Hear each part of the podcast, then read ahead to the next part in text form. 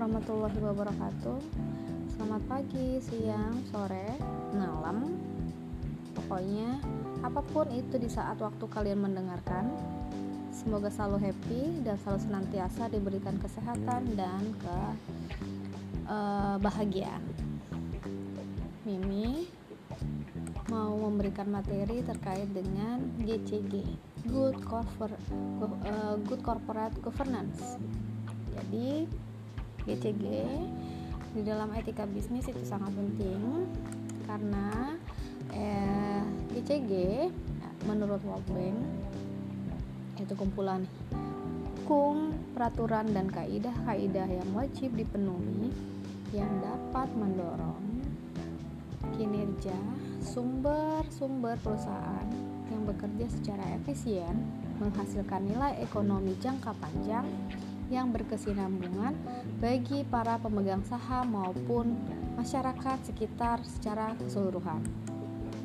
Nah, ECG itu eh, populer istilah tata kelola perusahaan yang baik eh, itu dilahirkan dari uh, sesuatu skandal perusahaan yang menimpa perusahaan-perusahaan baik yang ada di Indonesia maupun yang ada di luar negeri seperti misalnya Amerika Serikat. Krisis keuangan yang terjadi di Amerika Serikat pada saat itu juga ditenggarangi karena tidak diterapkannya prinsip GCG karena ada beberapa kasus skandal keuangan seperti misalnya Enron Corporation World.com, Xerox, dan lain yang melibatkan top eksekutif perusahaan tersebut menggambarkan tidak menerapkan adanya prinsip-prinsip GCG. Jadi udah kita bahas dari tadi GCG, GCG, tapi kita nggak tahu GCG itu sebenarnya apa.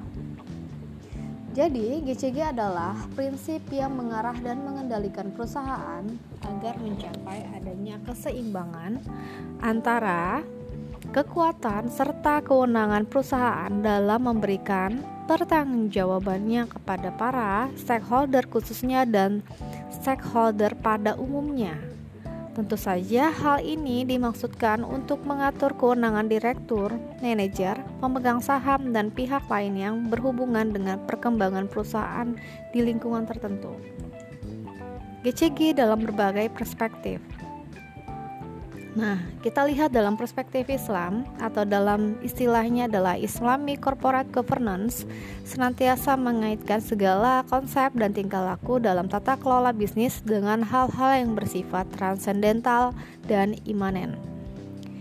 Hal ini merupakan konsekuensi dari keimanan seseorang muslim kepada Allah Subhanahu wa taala.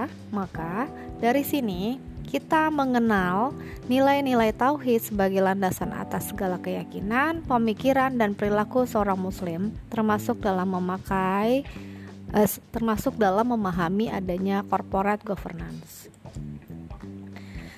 Nah, konsep uh, eh, GCG ini ada wadah, ada model, ada tujuan dan mekanisme. Kalau dari wadahnya atau organisasi, yaitu perusahaan, sosial, dan pemerintahan.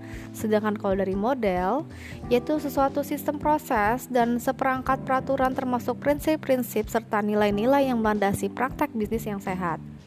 Dan tujuannya adalah untuk meningkatkan adanya kinerja organisasi. Apalagi, yaitu menciptakan nilai tambah bagi semua pemangku kepentingan mencegah dan mengurangi manipulasi serta kesalahan yang signifikan dalam mengelola organisasi, meningkatkan upaya agar para pemangku kepentingan tidak dirugikan. Bagaimana mekanismenya? Mekanismenya adalah yaitu mengatur dan mempertegas kembali hubungan, peran, wewenang, dan tanggung jawab dalam arti sempit antara pemilik atau pemegang saham, dewan komisaris, dan dewan direksi dalam arti luas antara seluruh pemangku kepentingan. Maka prinsip-prinsip GCG uh, yang dikemukakan oleh NCG atau National Committee on Governance tahun 2006 hampir sama dengan yang diungkapkan Menteri Negara BUMN sesuai dengan keputusan nomor CAP 117 MBU 2002 tentang penerapan GCG, maka ada lima prinsip GCG. Yang pertama adalah perlakuan yang setara atau fairness. Lalu yang kedua adalah transparansi. Yang ketiga akuntabilitas.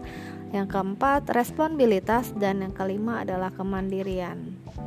Ada manfaat dari GCG menurut Indra Surya dan Ivan Yusia Vandana mengatakan bahwa tujuan dan manfaat dan penerapan dari GCG adalah memudahkan akses terhadap investasi domestik maupun asing, lalu mendapatkan biaya modal yang lebih murah, memberikan keputusan yang lebih baik dalam meningkatkan kinerja ekonomi perusahaan. Lalu, yang keempat adalah meningkatkan keyakinan dan kepercayaan dari para pemangku kepentingan terhadap perusahaan. Lalu, lima yaitu melindungi direksi dan komisaris dari tuntutan hukum. GCG dan hukum perseroan di Indonesia Kegiatan perseroan di Indonesia didasarkan atas dasar hukum Undang-Undang Nomor 1 Tahun 95 tentang perseroan terbatas lalu diganti lagi dengan Undang-Undang Nomor 40 Tahun 2007 di mana undang-undang ini mengatur secara garis besar tentang mekanisme hubungan, peran, wewenang, tugas dan tanggung jawab, prosedur dan tata cara tepat serta proses pengambilan adanya keputusan. Organ minimal yang harus ada dalam perseroan yang pertama adalah RUPS atau Rapat Umum Pemegang Saham, lalu ada Dewan Direksi dan Dewan Komisaris. Organ khusus dalam penerapan GCG menurut Indra Surya dan Ivan Yustia Vandana tahun 2006 menyebutkan paling tidak diperlukan empat organ yang melengkapi penerapan dari GCG. Yang pertama adalah komisaris independen, yang kedua adalah direktur direktur independen, yang ketiga komite audit, lalu yang keempat adalah sekretaris perusahaan.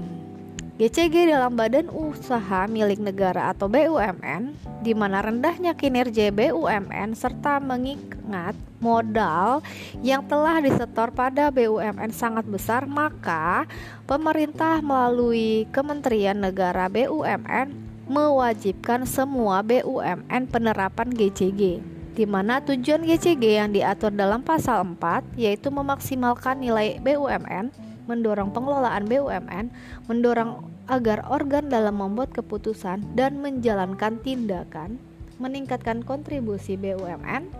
Yang kelima adalah menyukseskan adanya program privatisasi GCG dan pengawasan pasar modal di Indonesia Keberadaan pasar modal ditentukan oleh adanya lembaga-lembaga dan unsur penunjang pasar modal antara lain. Badan Pengawas Pasar Modal dan Lembaga Keuangan, Bursa Efek, Lembaga Clearing, Emiten, Underwriter, investor atau calon investor, akuntan, publik, notaris, konsultan hukum, lalu ada juga yang terakhir yaitu konsultan keuangan. GCG perbankan di Indonesia, di mana Bank Indonesia sebagai institusi tertinggi yang berfungsi melakukan adanya pengawasan terhadap kegiatan dunia perbankan di Indonesia dalam upaya menata kembali manajemen dan Kegiatan perbankan di Indonesia telah mengeluarkan peraturan Bank Indonesia nomor 8 garing 4 garing PBI garing 2006 tanggal 30 Januari 2006 tentang implementasi GCG oleh bank-bank komersial. Oke, itu materi yang sudah saya sampaikan. Semoga bermanfaat untuk kalian semua dan apa pun yang eh, kalian dapatkan semoga kelak menjadi uh, pembelajaran untuk lebih baik lagi. Terima kasih. Wassalamualaikum warahmatullahi wabarakatuh. Salam ya,